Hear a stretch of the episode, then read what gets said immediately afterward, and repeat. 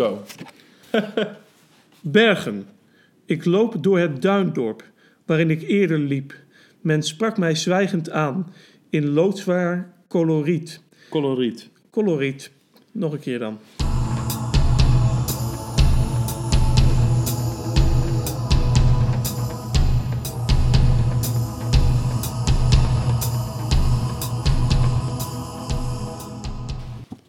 Ja? Doe maar. Maar ik, eh, dat knip je eruit, bedoel je? Nee, dat kan echt niet. Ja, tuurlijk. Ja, oké, Of ja. niet, of misschien is dit heel leuk. Misschien moeten we het hierbij laten. Nee! Oh, sorry. joh. Oh, wat maak je het nou kapot? Ah, joh. Ach, nee, nee, nee, er is, er is niks kapot. Oké. Ja. Bergen. Ik loop door het duindorp, waarin ik eerder liep. Men sprak mij zwijgend aan in loodzwaar coloriet. Coloriet. Dit staat mij voor ogen. Hier zou ik zwijgend rondgaan en de oude ringmuur met oude handen raken, onder dezelfde meel die kantelt en kermt in windkracht 8. Aad Eerland. Ik heb bij dit gedicht dat ik zo denk van... Wow, ik begrijp er eigenlijk helemaal geen tyfus van. Ja, maar ik, eh, kijk, als je het voorleest, dan eh, heb ik af en toe dat ik het helemaal le- niet nee, lees. ik- nee, Hier zou ik zwijgend rondgaat. maar ja... Wat een ja. oude ringmuur, oude handen raken, Ja, onder dezelfde meel die gaat kantelt over en bergen. Nou, wel leuk. Hartstikke super Ja, nou, eh, Aad da- Eerland, bedankt. Aadje, helemaal goed. Dat, eh, ja, nou... Laten we het niet verder over Aad Eerland hebben. Nee, Hebben we follow-up? Nee. Wederom niet. nee, niet echt. Nee. Nee. Waar komt dat denk je door? De, een hele inactieve achterban. Ja, dat denk ik ook. ja, dat- dat is ook te zien aan, eh, aan onze inkomsten.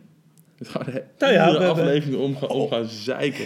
We hebben één, eh, Ja, precies. één iemand die ons eh, financieel eh, steunt. En dit mogelijk maakt. Ja, en daar, willen we hem de harte, naam niet voor noemen. daar willen we hem van harte, daar willen we hem hartelijk voor bedanken. Of zij. Nee, het is een hij. Oh, dat mag je wel zeggen. Het zijn meestal heien. Er luisteren voornamelijk mannen van rond de 35, 40. Die ehm, naast darten en Die geen, podcasts eh, ook die geen auto houden. hebben. Ah, Geen auto hebben. ja. En heel veel darts kijken. En die, en die eh, best rijkelijk laat eh, uit het ouderlijk huis zijn gegaan. Maar goed, laten we nu niet allemaal mensen beledigen en allemaal zeiken. We hebben geen follow-up, al was het wel leuk de volgende keer. Ja, maar we echt even laten, als je dit luistert, want we zien wel dat er gewoon tientallen mensen per aflevering luistert. Geef nog steeds Ah, feedback. tegen de honderd en- meestal, hè? Tegen de 100. Nou, wat, mo- mogen we dat zeggen? Nee. In verband met sponsors. Die ons eh, daardoor misschien afschrikken. Dat ze denken van, eh, dat, eh, dat is wel een heel goed lopende podcast. Dan gaan we even, we kiezen een start-up. Nee, maar ehm, ik weet niet wat ik allemaal aan het zeggen ben. Nee, ik ook niet. Stop de opname maar. Ik, eh, nee, we gaan er, ik, ik ga Oh. wijn inschenken. Ja, ja, laten we dat maar doen. Dan praat ik ondertussen even door. We hebben dus weinig follow-up, maar wel... ehm, ik heb dit al drie keer gezegd. Geef maar gewoon bij. Misschien dat het dan eh, beter gaat. Ja, Laten we gewoon zo lekker beginnen, joh. ja joh. Eh, maar goed, je mag dus nog steeds wel feedback geven. Wat nou podcast.gmail.com. Of je kan via Facebook gewoon een bericht sturen. Deel het ook een keer. Voor mij is het bericht nog een, een bericht van een nieuwe aflevering nog nooit door iemand gedeeld. toch weer, toch weer eh, op, de, op het zeik. Maar ik heb, ik heb dus gelezen laatst dat als je dus mensen maar zo vaak genoeg mogelijk afzeikt, dat ze dan vanzelf Van je gaan houden. ja, wel doen wat je wil. Dus Ja. ik heb me voorgenomen de hele tijd aan onze luisteraars af te, af te, te, te zeiken. En dan eh, in de hoop dat ze dan wel luisteren. Maar ze luisteren al, want het zijn luisteraars. Oké, De, de wijn is trouwens een eh Nederburg eh, Baron. u en weet dat is- wel, een Nederburg. en dat is een eh, Chardonnay uit eh, Zuid-Afrika. Oké, En eh, deze is gekocht bij de Albert Heijn en die welke locatie? eh Marines Bookplein. Dat is in eh. Rotterdam. Ja. En die heeft 6,98 euro gekost. Ja, dus dat is by far de duurste wijn. Misschien wel is hij twee keer zo, ruim twee keer zo duur als de, de, de, de nummer twee eh, duurste wijn. Ja, Dus dat belooft misschien eh, dat dat is waardoor we tot nu toe niet echt enthousiast werden van de wijn die we gedronken hebben. ja. Eh, is hij koud? Nee, Eh, hij, is, eh, hij is niet koud. hij is niet overdreven koud. Nee. Nee. Maar goed, laten we beginnen, want ik heb een eerste onderwerp. Of nee, ehm, ik wil eerst even weten, we zitten natuurlijk in het nieuwe jaar. Hoe, wat zijn jouw goede voornemens? Ik heb geen goede voornemens. Niet Vind je dat echt. onzin? Nou, ik vind het, ik vind het geen onzin. Oké. Het, is, het, is, het is vaak gewoon dat je, Beetje dat je onzinnig. bij, ehm, dat, eh, bij nieuwjaar dat heel erg hoort. En dat je dan Ja. bijvoorbeeld zegt, nou ja, ik ga proberen niet te roken.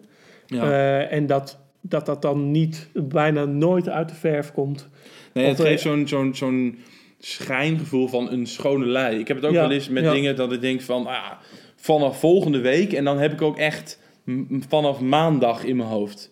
Snap je dat je nu zegt, ah, het is zaterdagavond, morgen nog even chill. Maandag, nieuwe week, aan de bak. Terwijl eigenlijk slaat dat nergens op. Dat is gewoon, dat is gedrag wat je doet van iets wat je niet echt gaat doen. Nee, nee, inderdaad.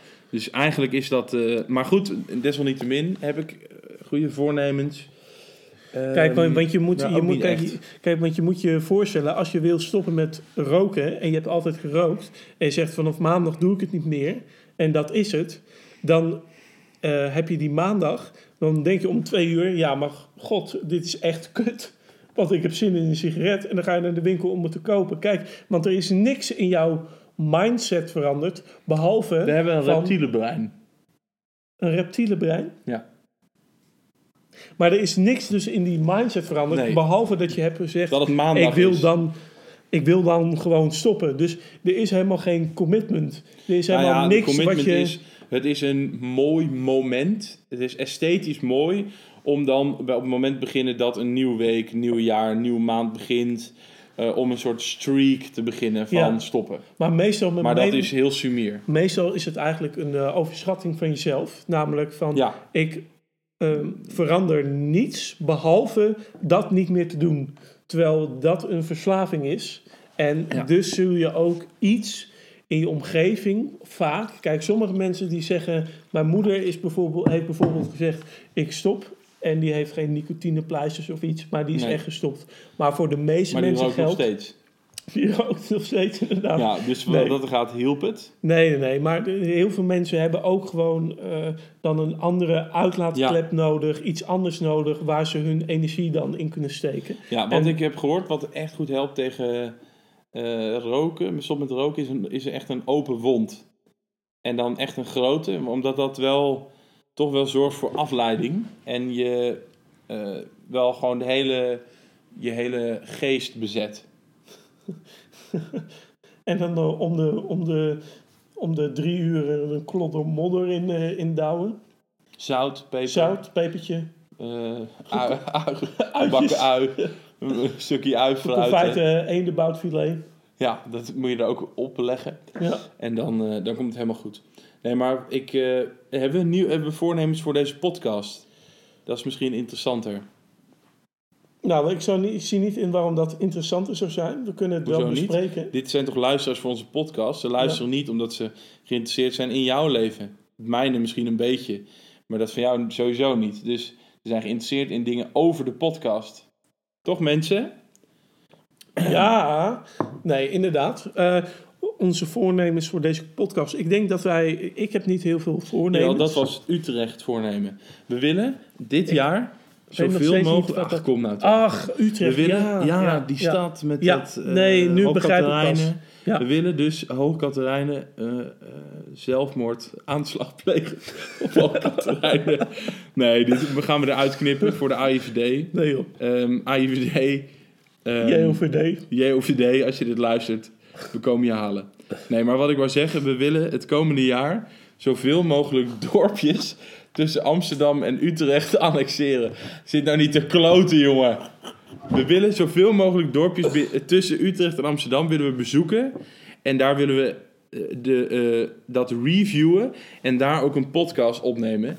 En we, willen we hebben Woerden en Breukelen zijn we al een keer geweest, vandaar tussen Amsterdam en Utrecht. En dan gaan we jullie dus van op de hoogte houden. En daar zullen we dus ook live ter plaatse, of ter plekke, een een podcast in eh, een, of andere, eh, een of andere plek opnemen en die eh, online zetten.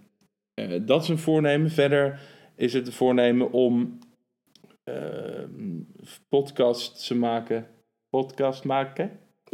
ja, podcast maken. Ja, Ja, ja. maar nu even over een, een echt onderwerp. Ehm, om te beginnen even over kopen bij kleine bedrijven uit zieligte heb ik het genoemd. Want ik heb best vaak, je hebt gewoon heel veel grote bedrijven. Je hebt, ehm, eh, weet ik veel, als je, eh, als je bijvoorbeeld een boek koopt, ga ik heel vaak naar bol.com. Als ik schoenen koop, ga ik naar Zalando. Ik ga, als ik mijn boodschap wil, ga ik naar Albert Heijn vaak.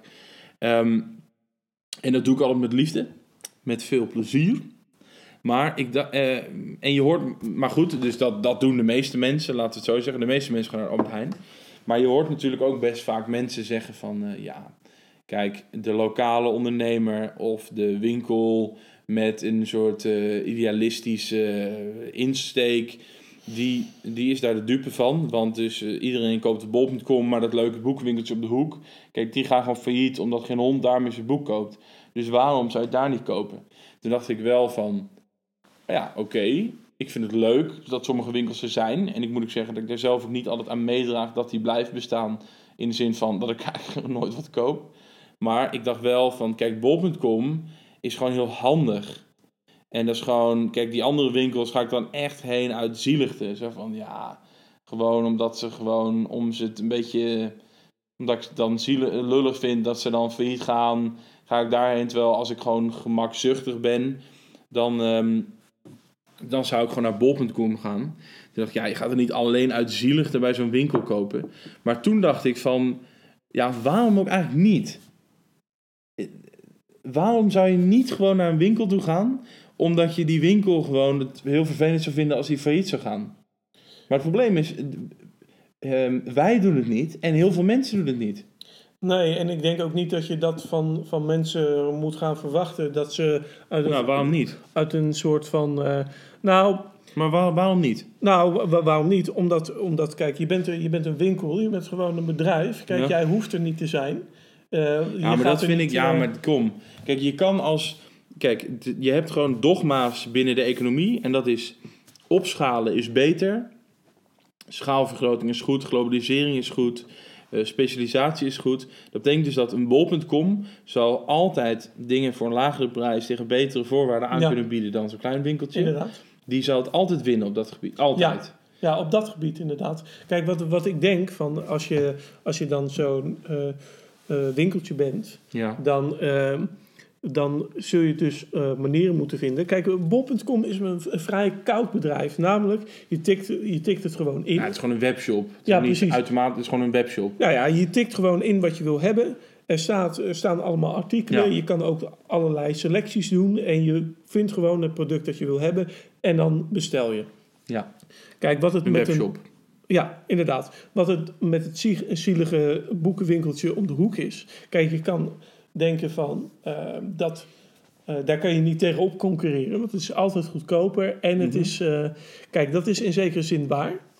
En de vraag is inderdaad of dat goed is. Wat, je, wat die kleinere boekenwinkeltjes wel zouden kunnen doen, is zich bijvoorbeeld focussen op wat meer eh, eh, specialisatie. Vaak hebben, hebben, hebben bol.com wel hele lange levertijden voor boeken die net niet jij heel... dat die gaat heel- juist niet spe- specialiseren als zo'n klein boekwinkeltje.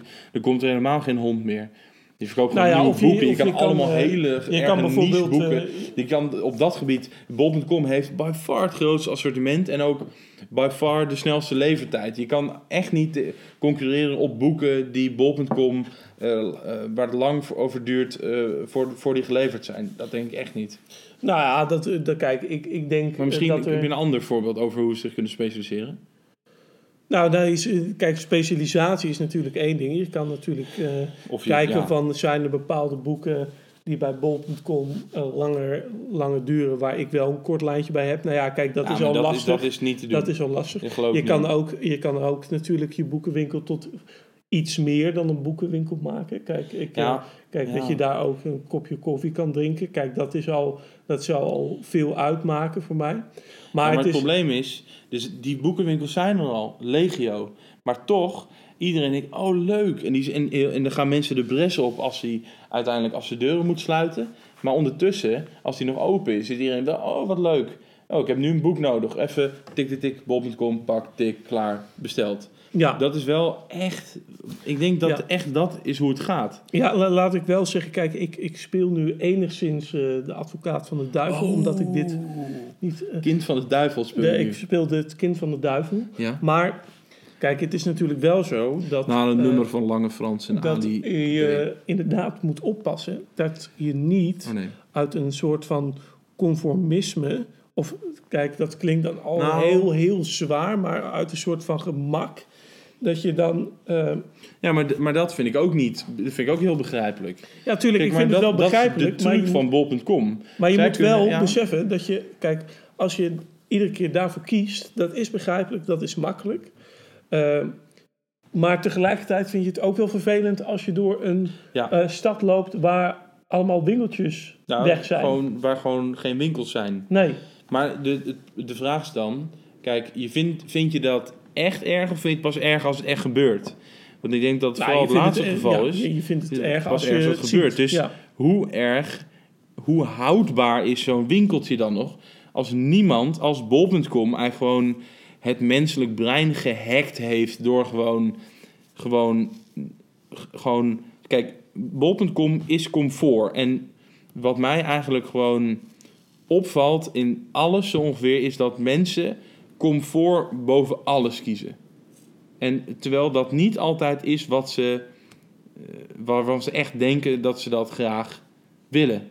Voorbeeld is de smartphones, daar hebben we het eerder over gehad, dat gewoon dat heel veel mensen het idee hebben daar, daar niet, weinig controle over te hebben. Dat ze liever meer controle hebben over hun smartphone gebruik. Eh, ja, ik heb nog een, eh, vrij veel in mijn glas. Dus ja, jij drinkt weer twee derde van de fles eh, leeg vanavond. nee, maar dat je ziet met smartphone Ja, gebruik. ik heb helemaal gelijk wel. Ja, Ja, klopt. sorry. Nou, maar niet uit. Ah joh. Ga Dat, verder. dat is Florian, als Florian AIO zegt, dan weet hij dat hij iets doet wat gewoon kinderachtig, oneerlijk is. En dat is gewoon, dat is echt een beetje de, de VVD'er in Florian. Gewoon het, het, het, onder, het, het onder het tapijt schuifwoordje is dat. Ik ben het hier niet mee eens. Ga verder. AIO. Ah joh. Ehm, kijk, dus met smartphone eh, gebruik, dat heel veel mensen zeggen, ik heb dat, eh, ik doe dat, weet ik veel, hoeveel minuten per dag, en ik zou dat liever minder doen. En dat mensen, dus dat comfort, want eh, laten we eerlijk wezen, het is comfortabel, je kan gewoon eh, niet nadenken, een beetje Netflix kijken, YouTube, allemaal onzin. Het geeft comfort, je hoeft, eh, ja, het levert weinig frictie op, het, ge- geen, je verveelt je niet meer, het is gewoon een constante opvulling. Toch hebben mensen, eh, zijn ze niet altijd, eh, als ze er echt even over nadenken en even denken, ah, wat vind ik nou echt belangrijk, wat wil ik nou echt, dan zeggen ze andere dingen dan comfort. Maar intuïtief zijn mensen ook geneigd om slecht eten te eten. Eh, je ziet ook, eh, dus slimme mensen eten vaak gezonder. Dat komt ook dat ze er echt over nadenken. En ik denk ook intuïtief ben je geneigd om, of gewoon je onderbuik wil, gewoon letterlijk in dit geval, wil die smars. Maar je weet, ik kan beter een appel nemen. De smars. Smars, Smars. Snickers, Smars, eh, Smars. Milky Way, Lion, Bounty. Bounty, eh, Heb jij, Nuts. Weet jij iemand die Nee. een eerste dat hij wil echt een bounty is? Is chocolaatje dat hij wil? Choc chocolaatje? Nee, ik ken niemand wiens eerste chocolaatje een bounty is. Ja. Maar wat, wat, wat jij zegt doet, doet me denken aan, eh, Kampen, nee. aan, de, aan, aan, aan, een Inside interview. joke, inside joke. aan een interview dat ik laatst zag met eh, Johan Cruijff. En dat ging over dat mensen best wel veel eh, thuis zitten en weinig het, het huis uitgingen, hadden ze het over.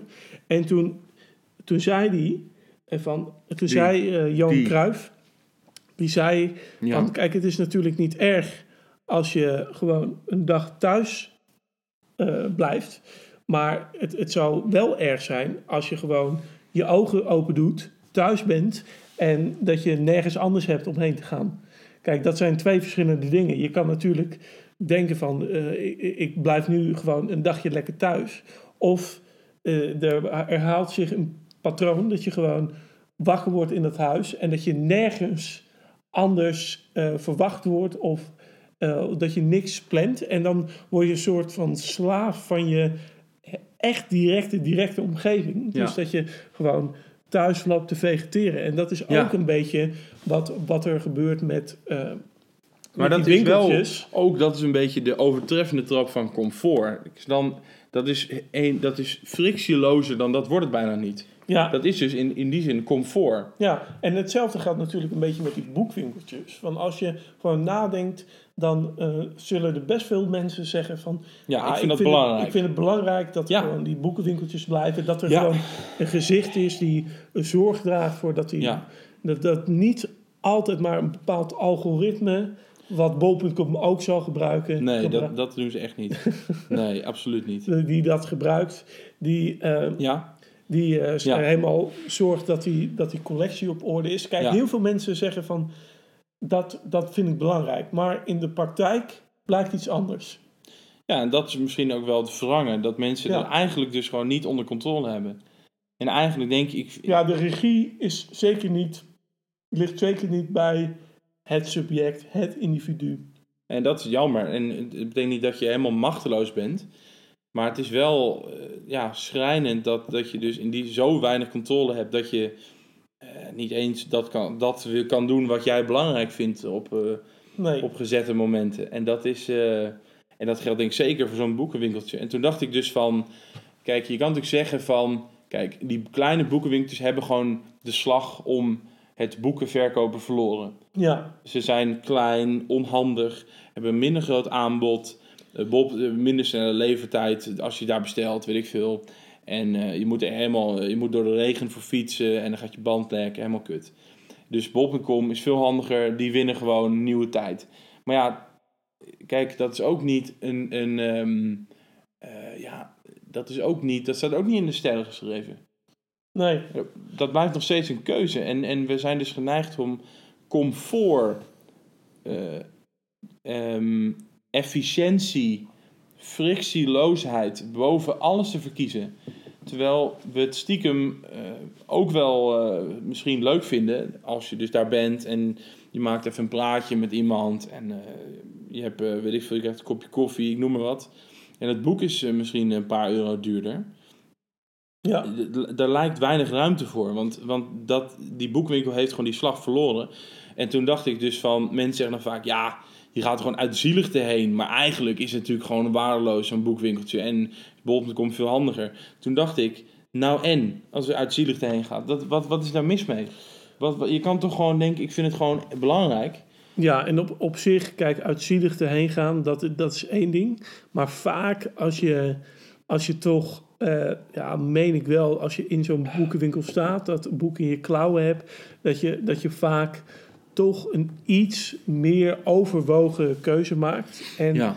kijk, het, het- Ja, het, ja. het op, eh, het op een beeldscherm zien is toch altijd anders dan dat je er een paar keer doorheen kan bladeren. En ik, ik kijk, ik wil oppassen dat, dat, dat het niet zo'n nostalgische hang naar. eh, ja. En wat dan nog ook, soms. ja, nee, inderdaad. Maar kijk, het is, ik, ik bedoel dus niet alleen dat, eh, dat, dat, dat, Ja. dat je dat dan dat je dat papier in je klauw hebt en dat dat heel fijn is. Ik eh, bedoel ook dat je als je erheen fietst, eh, gaat zoeken naar dat boek, dat boek even doorbladert, dat daar ook meer zorg naar uitgaat. Dat er ook Ja. een- enigszins meer bewust die keuze wordt gemaakt dat je dat boek wil. En Ja. niet dat je na drie klikken gewoon dat boek gevonden hebt. Ja, en de vraag is natuurlijk of je wil dat, en dat, nu, eh, dat, dat klinkt heel eng als ik het zeg, maar dat, dat je dus zonder meer eh, wil dat het groot kapitaal eh, nog groter wordt en dat, dat al die macht bij steeds kleinere bedrijven komt te liggen. Je ziet bijvoorbeeld met Netflix, Grotere bedrijven bedoel je dan? Of wat bedoel je? een eh, minder bedrijven komt te Oh, minder bedrijven, ja. Die steeds groter zijn. Ja. En dat je ziet gewoon dat, dat bepaalde markten, dat op een gegeven moment kun je gewoon niet meer instappen. Ja, en, en, Kijk. en de co- concurrenten zijn van hetzelfde moederbedrijf. Heb je ook bij heel veel Ja, maar bijvoorbeeld- ja, ja, precies. Maar bijvoorbeeld Netflix. Kijk, je kan daar eigenlijk niet. Er is gewoon, je kan zeggen, dit is natuurlijk marktwerking. Maar ja, in hoeverre is daar marktwerking als de. Je moet al multi-multi-miljonair zijn, misschien wel miljardair. Om een bedrijf te beginnen dat op een manier kan concurreren met Netflix. En dan nog is het geen garantie. Ja, Dus- en, en wat ik trouwens van Netflix En heel iedereen kwalijk, kiest daarvoor, ja. Maar wat ik van Netflix heel kwalijk vind eigenlijk, is dat zij jaren geleden eh, de, toch Ja. de pretentie uitspraken om gewoon de bibliotheek voor films en dergelijke Ja, ze, ze waren gewoon een reguliere videotheek. Waar je ook gewoon video's kon huren Ja. in Amerika. Met, Ja. een, met gewoon videobanden kon En dat, huren. en dat is online gegooid. Maar wat je nu steeds meer ziet, is dat er steeds meer films eh, verwijderd worden. Van Ja, dus van per, voor mij is de verhouding echt per iedere film die erbij komt, gaan er vier weg. Ja, en, en, en, wat je, en wat je ziet is dat ze dan heel veel Ja. eigen content maken. Dus Het wordt gewoon een productiehuis, want daar verdienen ze gewoon heel veel aan. Nou, je hebt gewoon één keer de investeringskosten en daarna kost het niks meer. Bij films betalen ze een, eh, voor rechten om dat uit te zenden. En nu met zo'n serie, ja, die maak je één keer en dan heb je hem en dan kun je gewoon eh, cashen.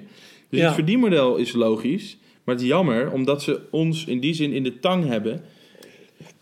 Ooit begonnen als, ehm, als, eh, gewoon als de compleetste bibliotheek à la Spotify. Maar Ja. op een gegeven moment zijn ze dus gewoon zelf films gaan maken. En is daar de focus komen liggen. Want op die, die aanbevolen sectie zie ik eigenlijk alleen maar Netflix films en series. ja, Iedereen blijft hangen en ze Inderdaad. maken er wel veel en ook wel goed. Maar het is niet, eh, ja, het is niet meer eh, de complete bibliotheek. kijk, en, en wat, ik, eh, wat ik wel belangrijk vind, is dat, dat wij, als ik daar kijk, en ik weet dat dat zo is, dat wij geen eh, complotdenkers zijn in de zin Nee, dat dit, geen dat- complot. dat dit een vooropgezet plan was van het grote kapitaal. En in dit geval Nou ja, Netflix om Vooropgezet, om- dat, dat is niet per se een complot. Ja, nee, nee, maar, het, maar is, zin dat- het is ook niet. Ik denk ook niet dat Netflix een vooropgezet plan had om eerst met films en dergelijke allemaal mensen binnen te halen, vervolgens de Nou, films te denk ik verwijderen en eh, eigen content Dat zou te kunnen, maken. maar dat verwijt ik ze in die zin. Kijk, het lastige is. En dat dat, denk ik, ik, ik denk niet dat dat gebeurt. Ik denk namelijk dat er dat op een gegeven moment. wel, Ik denk dat er op een gegeven moment gewoon is gezegd van eh, we hebben nu zoveel aanhang, we kunnen ook iets zelf produceren en nu Nou, is nee, dat denk kijk, niet. maar het, eh, dat zou kunnen in ieder Dat geval. zou kunnen, dat, dat weten we niet En- precies. Maar ik, ik, ehm, kijk, ik ben daar iets misschien sceptischer over. En dat is ook geen complot. Maar daar, eh, daar worden heel veel interessante dingen over gezegd. Over, eh, van allemaal mensen zeggen dat. En dat is natuurlijk ook het, ehm, ja, wat mij betreft, een, ja, een probleem met het kapitalisme. En dan haal je al gauw, eh, dan word je al verbannen naar duistere, duistere krochten als je zoiets zegt Mhm.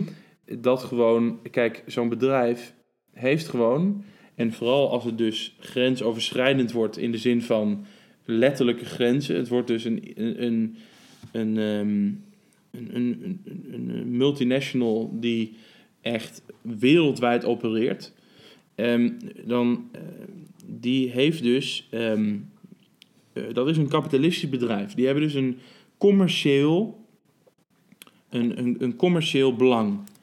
Dat is zo omdat het een bedrijf is. En een bedrijf in onze maatschappij, onze manier van doen, is commercieel. Dat heeft bepaalde voordelen.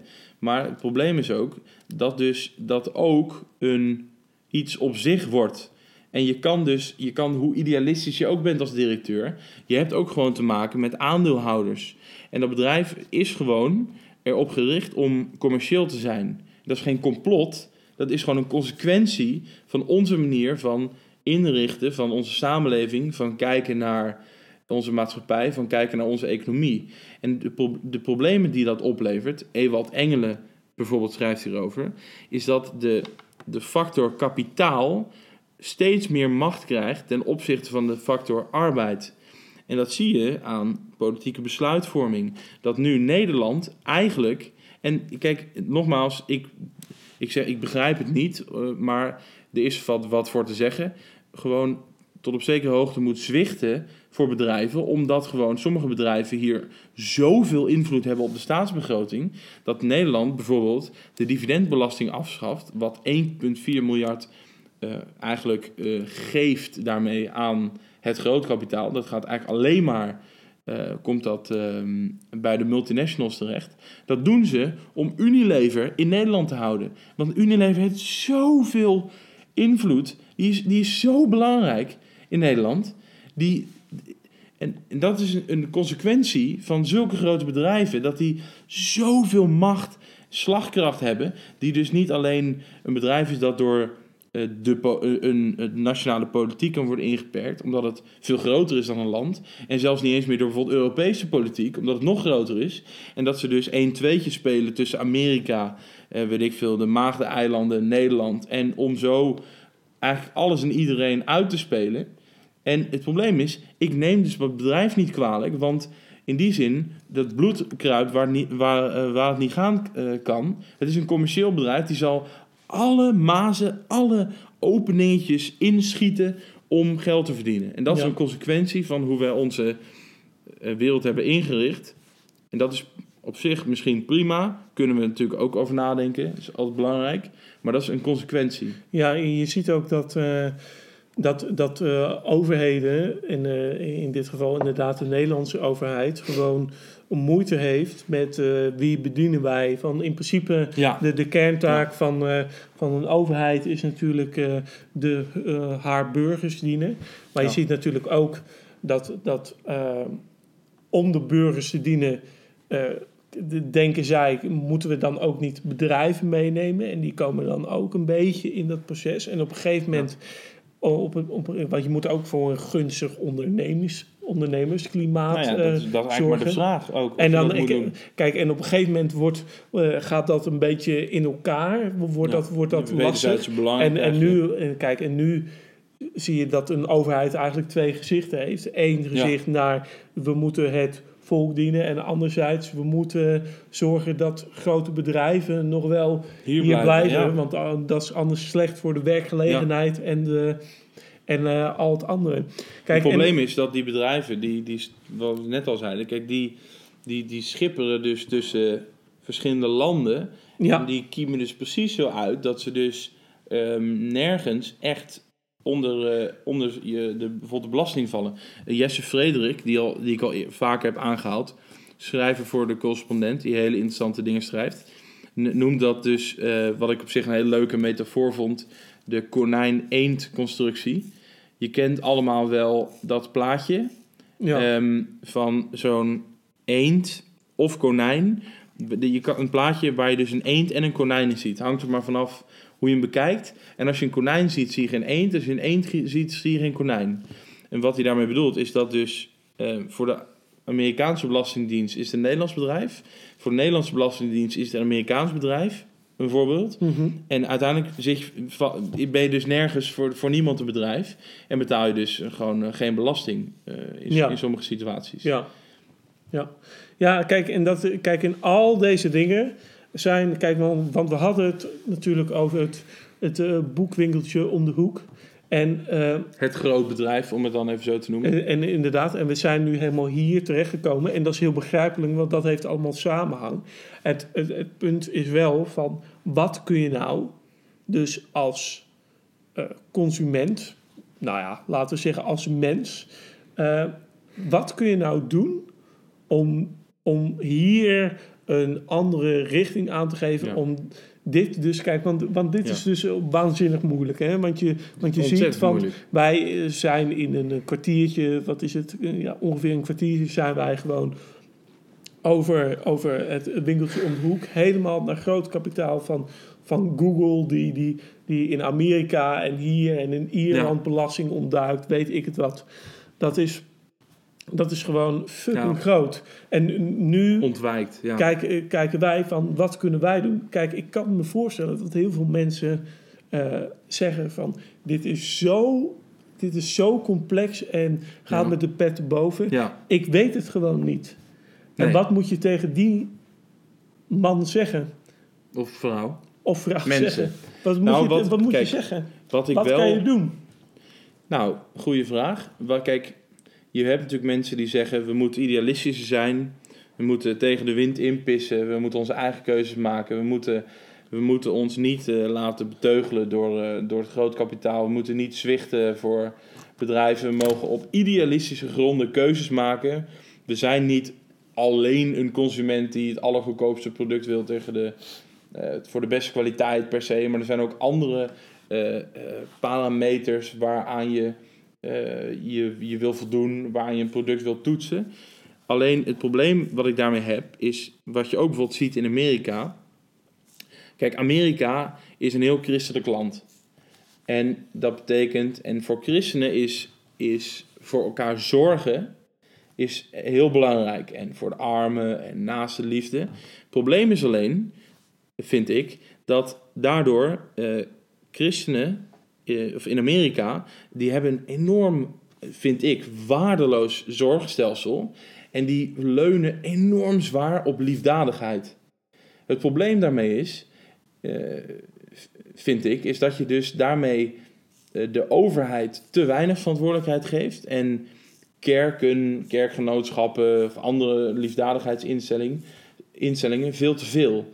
Ik vind dus ehm, eh, politiek-economische problemen kun je dus niet alleen maar oplossen met idealisme, met, met individuele acties of met wat groepen. Die moeten ook eh, politiek-economisch opgelost worden, vind ik. Dus je kan tegen zo'n Starbucks kun je dus zeggen van kijk, dan moeten we. En dat waardeer ik. Ik meen het echt. Iedereen die daar, die daar goed over nadenkt en daar keuze in maakt, daar gaat het vooral om dat je er een keuze in maakt. En dus zegt, nou, ik koop mijn koffie daar niet, of ik doe dit, of ik doe, of ik koop het wel en ik koop het daar niet.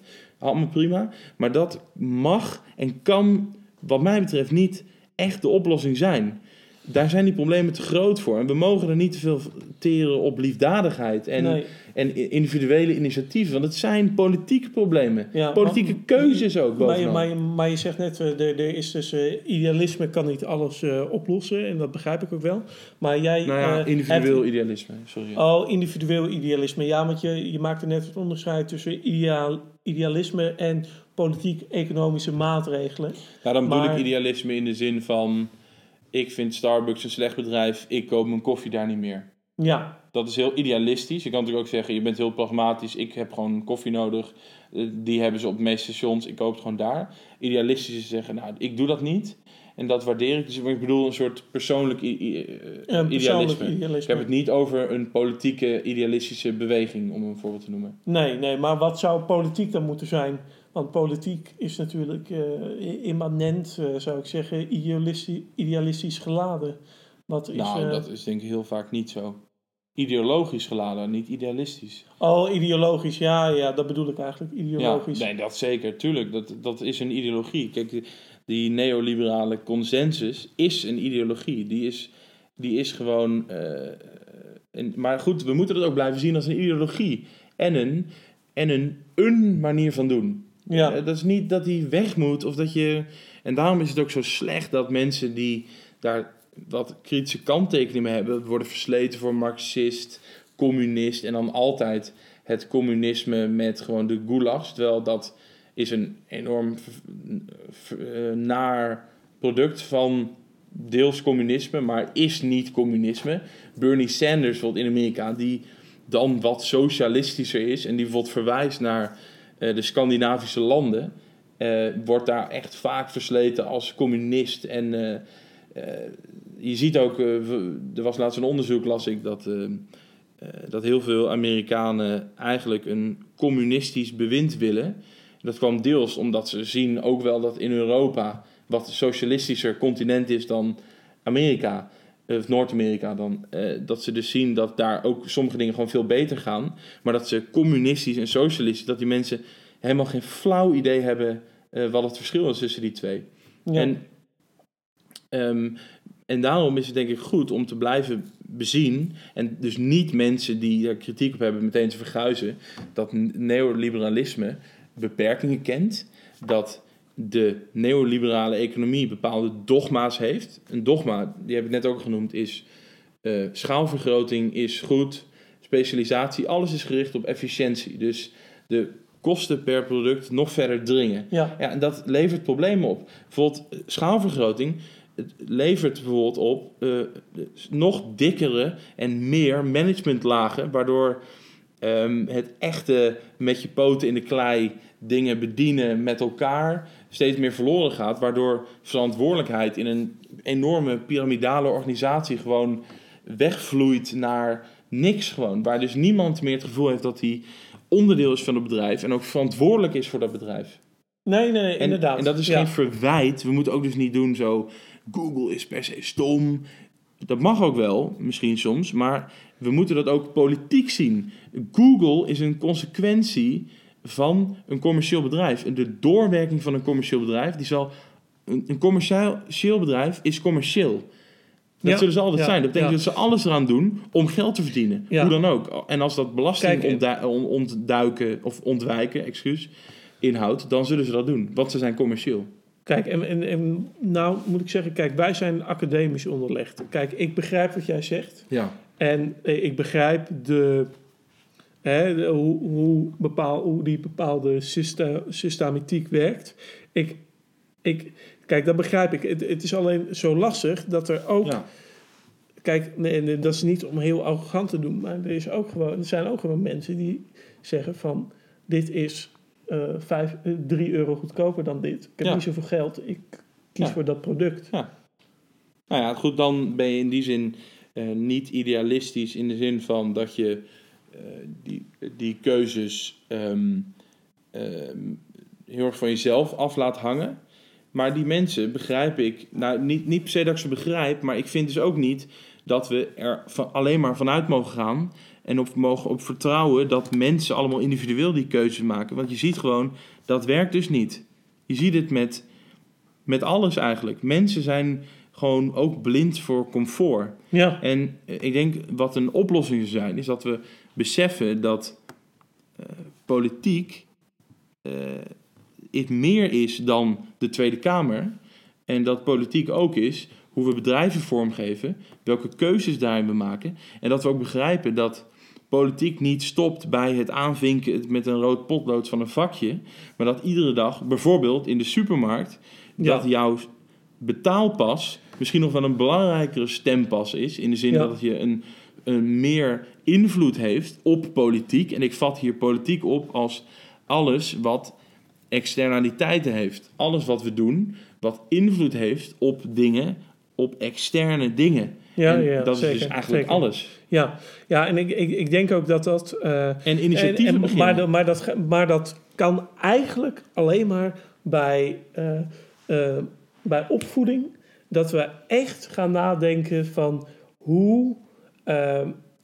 nou, kijk, ik zou niet zeggen wapenen wij, maar hoe kunnen we mensen ja. bewuster Ja. laten worden van de omgeving wa- waarin wij leven. Want eigenlijk eh, zie je dat mensen nog steeds het idee hebben van ik ben eh, de baas en ik koop gewoon wat ik wil kopen. Ik koop wat ik lekker vind. Ik koop wat ik... Wat, wat, Dat is een behoefte die ik gewoon heb. ja, Die komt niet ergens vandaan. Dat is gewoon zo. Dat doet er ook helemaal niet toe Nee. waar die behoefte vandaan komt. nee. Maar dat, dat, dat, eh, dat zij dus eigenlijk... Dat wij allemaal moeten beseffen dat... eh, kiezen voor een biefstuk of voor een vegetarische hamburger een politiek statement is. Ja, en, maar goed, dan hebben we het nog steeds wel over dat persoonlijk idealisme. En ik ben er helemaal voor. Dat gaat ook. Maar goed, dit gaat wat verder dan een een persoonlijk idealisme. Dit gaat om een, om een, eh, een nieuw bewustzijn creëren, ook bij kinderen, dat aansluit. Of nou, dit klinkt een beetje eng, maar goed. Dat we kinderen in ieder geval de tools leren en de, en de kracht leren om aan te sluiten bij de 21ste eeuw. En de manier van denken en leven die daarbij hoort. Ja, Maar niet te min. En kijk, het is natuurlijk niet dat je hebt wat je persoonlijk doet en wat er politiek gebeurt. Dat is natuurlijk, wat je zegt, vervlochten. Kijk, ik kan morgen persoonlijk besluiten om vrienden te bellen en een denktank op te richten. Of ik kan me aansluiten bij een politieke partij om ook dat politieke gedeelte te veranderen. Maar ik vind het, ik ben het deel volledig je analyse van we moeten echt keuzes maken. Kinderen bewust maken van de dingen die er spelen in de 21ste eeuw. Maar we mogen niet te zwaar leunen op eh, liefdadigheid en mensen die breken die, of die eh, geen Gmail meer nemen omdat Google slecht voor je privacy is. Kijk, dat gaat, daar gaan we het niet mee redden.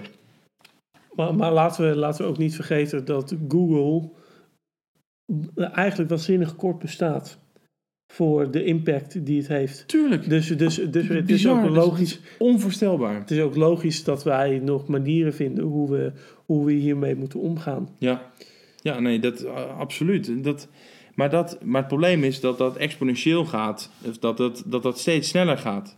Ja, Of in ieder geval Ja, als je kijkt naar de inderdaad, afgelopen tijd. Dat, kijk, dus je kan zeggen, de, de, eh, kijk, weet ik veel, als je kijkt naar eh, een boer in het jaar eh, 500 na Christus in, in Italië bijvoorbeeld en een boer in 1500 jaar Christus is niet bijzonder veel anders. En toen, in, eh, nou, toen kwam wat op gang en dat je meer langzamerhand de renaissance en de verlichting.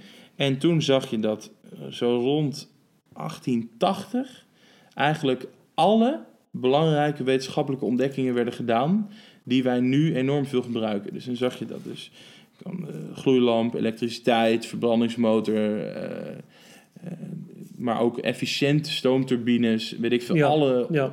weet ik veel, ik kan het allemaal niet opnoemen, ook andere wetenschappelijke shit. En toen ging dat in een soort stroomversnelling en toen had je dus weeftouw en zelfs in, in, de, in de 20e eeuw had je bijvoorbeeld nog, kijk, een auto is ook niet heel veel veranderd of een luidspreker. Maar toen kreeg je in de jaren 90 internet. En in, bijvoorbeeld in 2006 kreeg je YouTube. En als je nu ziet, dat is misschien wel de, de allerbelangrijkste website ter wereld. En misschien ook wel het allerbelangrijkste activiteit van mensen. Of een van de belangrijkste, veelbezochte dingen. Zoveel mensen zijn daar meerdere uren per dag van hun leven bezig met YouTube. Een site die nog, nou, die nog geen 12 jaar bestaat. Nee.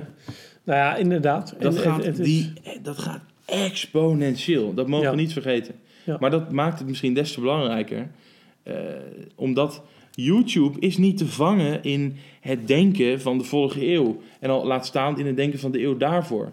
Dat is fundamenteel anders. En we kunnen wel blijven zeggen... Bach is beter dan, dan eh, Enzo Knol. Daar kun je blijven zeggen. En dat kun je op een manier verdedigen. Maar dat is gewoon... eh, ja, kijk, zo werkt de wereld hela ja, helaas. Dat klopt, dat bedoel ik niet. Maar zo werkt de wereld niet meer. Nee. Nou ja, dus de conclusie is dat we echt meer moeten gaan nadenken. Echt dat arrogante idee moeten loslaten dat wij eh, overal de baas over zijn. En echt eh, ook moeten gaan erkennen dat wij dat, dat, dat eh, wat wij doen en laten, dat dat zeker niet meer helemaal correspondeert met wat wij willen. Nee, helemaal niet. Want wat Dus- je zegt, dus we ja. zijn... Als je ziet wat allemaal mensen belangrijk vinden en wat ze... En, en hoe zich dat verhoudt tot wat ze echt doen, dan zie je dat er een enorme discrepantie tussen is. Ja. En dat is wel eh, zorgwekkend. En om wel even terug te komen op dat, eh, eh, op dat boekwinkeltje. Kijk, dat we ons moeten beseffen dat we niet de 100% rationele actor zijn die gewoon bepaalt: dit ben ik, dit zijn mijn behoeftes.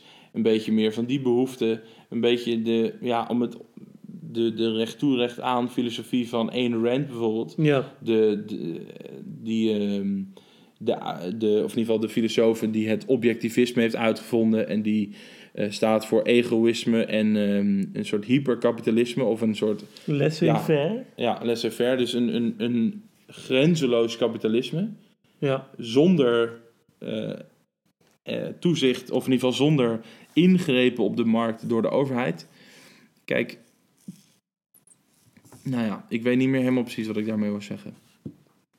Maar goed, ik denk dat dit wel een, een interessante, ehm, ja, een interessante, interessante zaak is. Ik bedoel, ik ben er zelf Nou, ook niet is- helemaal uit. nee, maar nee, goed, wat ik Maar- maar- ik weet maar- ongeveer wat ik wil zeggen. Als ik even, Ja. Ehm, dat, ehm, eh, wat jij net zegt, dat we begrijpen dat we niet eh, helemaal dus die rationele actor zijn Ja. en dat we bepalen wat we doen. Dat betekent niet dat we machteloos zijn. En dat betekent natuurlijk wel dat we ook ons in die zin moeten verenigen. En ik roep niet op tot een soort eh, bloedige 1917 eh, oktoberrevolutie, maar ehm, het zou wel goed zijn dat we sowieso voor onszelf keuzes blijven maken en met mensen praten, initiatieven starten, dat we kiezen voor een partij, ons daarvoor inzetten, eh, dat we ehm, dus naast dat we misschien andere boodschappen doen, ons ook inzetten en ons verenigen in bepaalde verbanden om meer slagkracht te creëren, om ook bepaalde dingen te veranderen die ons aan het hart gaan. Want kijk, iedereen die Vice leest en op je Facebook zit en jong is en een beetje slim en die zijn allemaal wel progressief en liberaal, die vinden allemaal klimaatverandering is heel erg. Maar ja, hoeveel studenten scheiden hun afval? Wie is daar echt mee bezig? Wie begrijpt echt dat het ertoe doet? Wie begrijpt echt dat als je je wc doortrekt, dat die stront niet weg is, maar ergens naartoe gaat? Dat die daar verwerkt wordt, dat daar mensen mee bezig zijn, dat die gezuiverd wordt, dat het energie kost. Hoeveel mensen begrijpen dat echt? En ik denk dat dat... Ik, ik denk dat het ook gewoon heel erg samenhangt met, uh, met uh, dat we bewust worden hoe we een keuze maken. Ja. En dat, uh, maar ja, dat is, dat is me nogal een onderwerp, hè? Ja, je zou nog wel drie podcasts mee kunnen vullen. Ja, en het begon allemaal met het boekenzaakje om de hoek. Ja, wat, waar, misschien wat je moeten we er toch een keer heen. die, eh, die man eh, of vrouw een hart onder de riem steken. Omdat ze in ieder geval een, eh, ja, een, ehm, nou, noem dat, een, een podcast hebben, hebben opgeleverd. Ja. Goed. Ja. Ehm, goed, verder nog iets? Nou, over dit onderwerp hebben we denk ik eh, meer dan genoeg gezegd. Ja.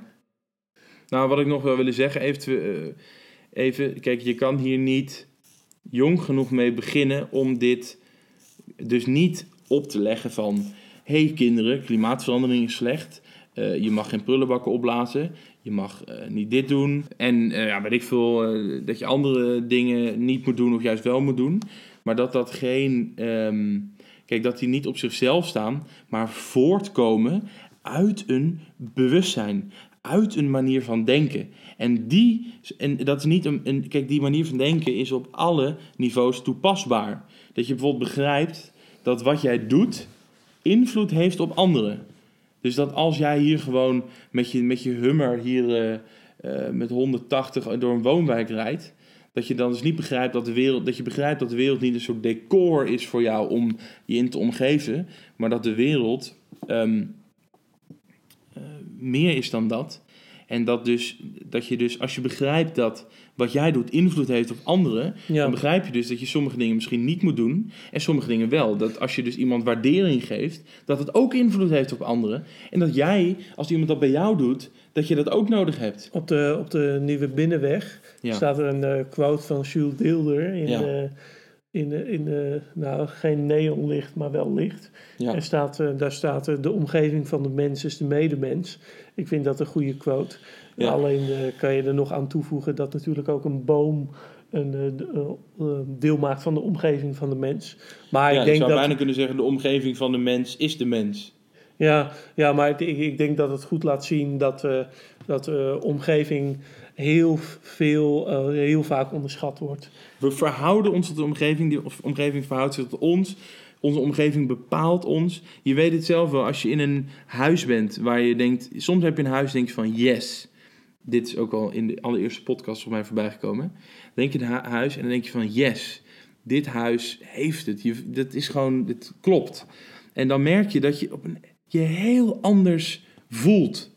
En heel anders gedraagt. Ik weet bijvoorbeeld mijn oppasadres. Dan je voelt je daar compleet anders. Andere dingen, andere prikkels. En dat is een heel tastbaar voorbeeld. Eh, Maar het is natuurlijk ook op heel veel andere dingen minder tastbaar. Ja, ja hoe groot is de kans dat eh, iemand in Rotterdam-Zuid eh, zich even... Of, of zich beter gedraagt dan iemand eh, die uit eh, Kralingen komt. Kijk, die kans is heel klein, omdat in Kralingen gedraagt zich iedereen. In Rotterdam-Zuid is dat veel minder. Nou ja, Ja, en dan de, is de de matrix kans ook- nog veel groter. Omdat is, ja. Rotterdam-Zuid spelen er veel meer problemen met ouders bijvoorbeeld. Waardoor de kinderen veel meer problemen hebben op school. Het inkomen is veel lager, omdat ze veel meer dingen moeten laten. Slechtere voeding krijgen. Ehm, ook een, eh, op een manier gediscrimineerd worden doordat ze altijd gezien worden als arme, armetierige kinderen. Ehm, en dat is een enorme wisselwerking. En dat is, het is niet zo zwart-wit. Je kan zeggen, nou, dit komt door dat deel van de omgeving. Het is een, enorm complexe ehm, aangelegenheid. Goed, hebben we verder nog iets wat we willen bespreken? Even kijken. Ehm, eh, hiërarchie in dieren. Daar hebben we het eigenlijk al even over gehad, hè? Is dat zo, ja? Ja, dat vind ik wel leuk om daar nog even over te hebben. Ja, ja want, want eh, Gewoon niet te lang. oké, be- bedenk je even vijf eh, willekeurige dieren. Even in je hoofd. Bedenk even vijf dieren. Tel Dit is voor de luisteraar. Voor de luisteraar, ja. Even vijf dieren. Je schrijf ze desnoods op of onthoud ze goed. We, ge- we geven je zeven seconden. Oké. 1, 2, 3, 4, 5, 6, 7. Nu, nu, had ik, eh, nu, nu hadden we het er laatst over. En de kans dat er bij die vijf dieren die jij eh, hebt opgeschreven, dat daar Of in je hoofd hebt, ja. vissen bij zitten, is extreem klein. En insecten ook extreem klein. En vogels ook klein, maar iets minder klein. Waarschijnlijk eh, heb jij vooral land- zoogdieren. Zoogdieren, landdieren, dat zijn de meeste zoogdieren. En ook ehm, eh, waarschijnlijk eh, dieren die relatief groot zijn. Meestal groter dan een kat, in ieder geval. Ja, En nou goed, eh, waarschijnlijk kun je dit dus nu bevestigen. En Florian die zei dit en ik bedacht ook een paar dieren. En ik, ik dacht meteen in de hoek van de leeuwen, paarden eh, en van Afrikaanse dieren zat ik meteen. En dan als je denkt, of, een goed voorbeeld zou ook zijn, denk aan, Af- noem een paar Afrikaanse dieren. Zullen alle mensen zeggen, oh, je hebt leeuwen, je hebt eh, olifanten, tijger. zebra's, nou, tijgers niet in Afrika, maar ehm Nee, tijgers inderdaad niet. uh, nee. weet goed, de Big Five, eh, Ja. waterbuffel, hyena's, weet ik veel. Dat is geen Big Five hyena, maar ehm, die zullen die dieren opnoemen. En toen dacht ik van, dat is echt iets wat, wat zo diep geworteld zit, dat hoe wij, hoe anders wij dieren zien dan de realiteit misschien eigenlijk is. Sowieso, iedereen kent natuurlijk wel dat voorbeeld, of dat, nou in ieder geval voorbeeld, die weet dat bepaalde dieren in Nederland, kijk wij zien honden als huisdieren en koeien zien wij als vee voor vleesproductie Of in- op melk. of voor melk. Maar bovenal als dieren die er zijn om iets voor ons te doen. Een hond ook overigens, maar op een andere manier. Ehm, kijk, hondenslachtingen, daar, kunnen, daar zijn hele Twitter-feeds over volgepland. Over huilende mensen die, oh, er worden weer een paar honden in China afgeslacht. Vind ik ook hartstikke lullig overigens, daar niet van. Maar eh, over koeien, kijk, eh, koeien worden gewoon geslacht. Punt. Eh, terwijl in andere landen daar ook eh, heel anders over nagedacht wordt. Kijk, dat kent iedereen wel, Ja, denk ik. Al nog steeds dringt het denk ik niet tot mensen door. Want iedere keer, ik heb ook eens gezien, een blafband werd er verkocht op een Facebookgroep. Een blafband is zo'n ding, dat doe je bij je hond om zijn nek. En er zit een, er is een soort, geeft een schok als je hond heel hard blaft. Er zit een soort geluidssensor in. Als je hond heel hard blaft, krijgt hij een schokje in zijn nek en dan is een soort corrigerende tik. Dan zou die afgeleerd kunnen worden om heel hard te blaffen. En jongens, die mensen die dat erop zetten, die kregen een lading bagger over zich heen. En dan met name van, ja, van, eh, ja, nou, dat klinkt een beetje oneerbiedig, is het ook. Van Johnny's uit volkswijken die honden hebben waar, eh, waar de honden geen brood van lusten. En dat is van die immense Rottweilers, Golden Retrievers en al die andere soorten honden. Die daar gewoon eh, die daar de hele dag in een enorm klein vlekje opgesloten zitten. eh, tot ze weer eh, s s'avonds een kwartiertje uitgelaten worden. En, ehm, en die mensen s'avonds die, eh, die vreten natuurlijk eh, plofkip voor het leven. Dit is allemaal een beetje stereotyp. Maar goed, ehm, ik denk dat het in heel veel gevallen klopt. En dan zo'n blafband, oi oi oi, dat kan natuurlijk niet. Ja er, er lijkt dus eh gewoonweg een bepaalde hiërarchie in de Ja. dieren te zijn.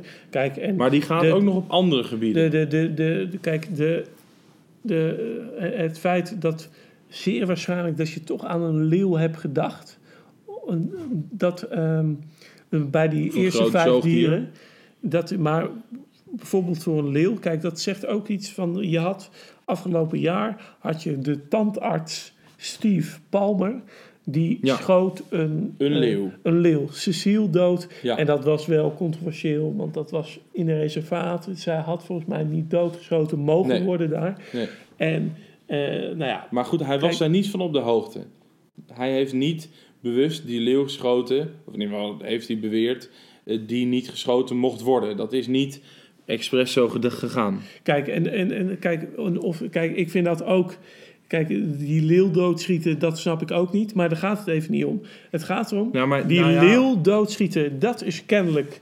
Dan verdien je echt de hel. Want Ja. de scheid die die man over zich heen heeft gekregen, nou ja, dat, dat is echt ongekend. Dus, Ja. Zijn praktijk scheid, is hij is bedreigd, eh, en hij, is, hij heeft ondergedoken ze- gezeten. Terwijl het ironische is, ik denk wat heel veel mensen niet weten, is dat eh, al die na- natuurreservaten, die hebben dus de mogelijkheid dat hele rijke Westelingen eens in de zoveel tijd gecontroleerd een dier mogen doodschieten. Voor, ik volgens mij 50.000 dollar mocht hij die leeuw doodschieten.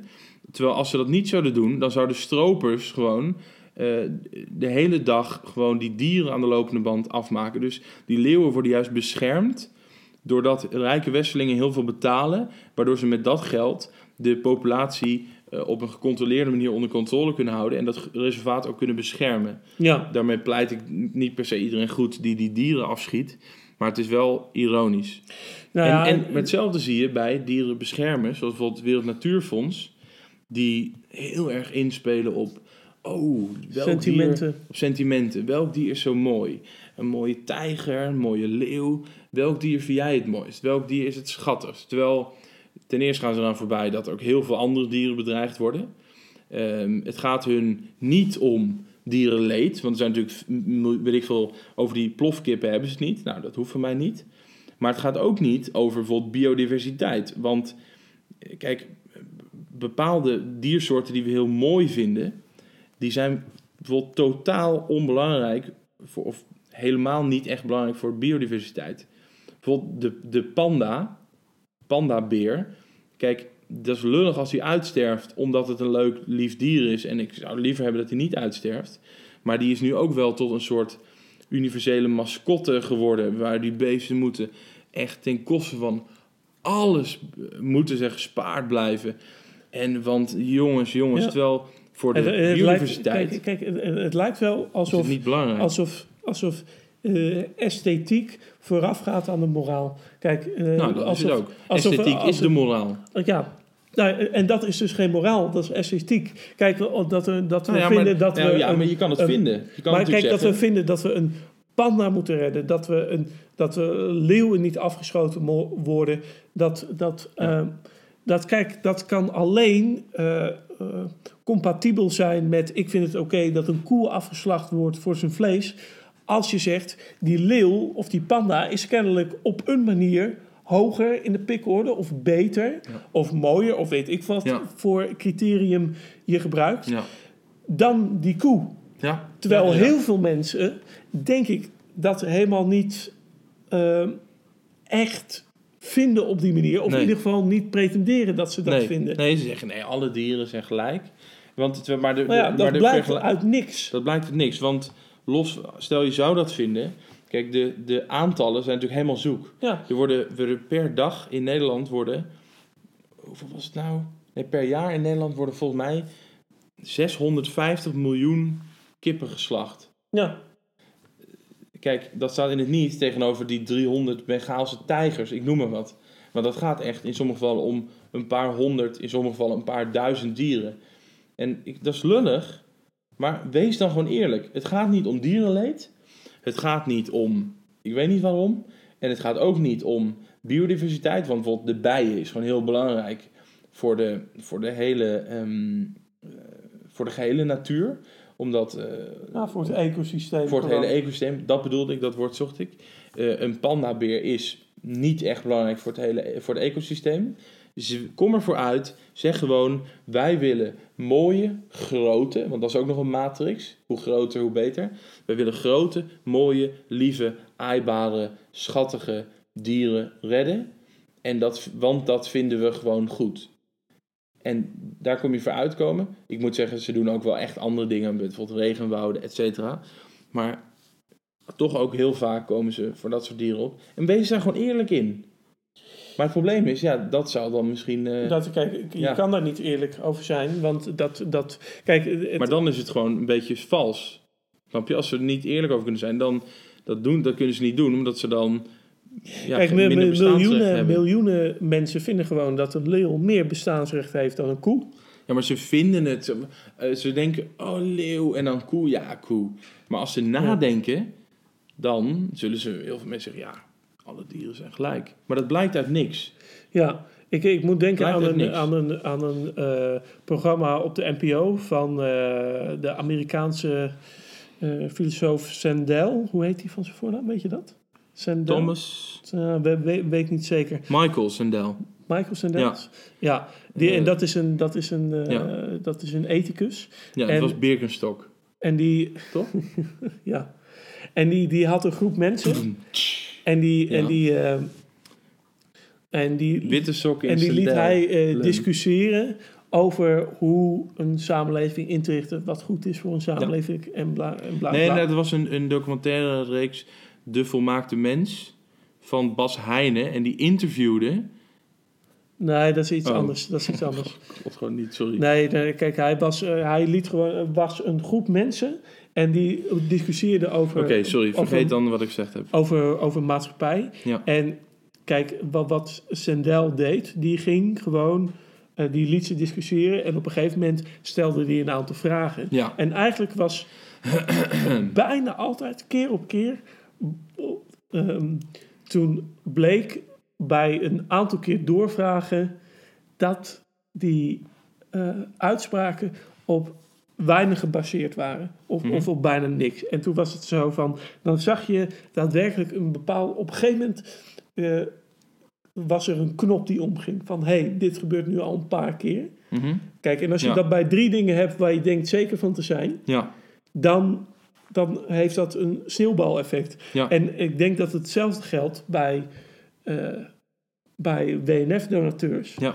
Als je, ik denk echt, als je een paar keer doorvraagt, scherp doorvraagt, dat ze op een gegeven moment beseffen van, hé, hey, dit, ja. dit... eh, Kijk. want ik denk niet dat dat besef er nu is. Ik denk Nee, echt dat denk ik ook niet. En ik denk dat mensen het ook in die zin er ook ontvankelijk voor zijn. Het enige is, ik, ik ben dan wel woke. Nee, maar ik voer wel eens zo'n discussie met zo iemand, omdat ik ook vind het ook wel leuk.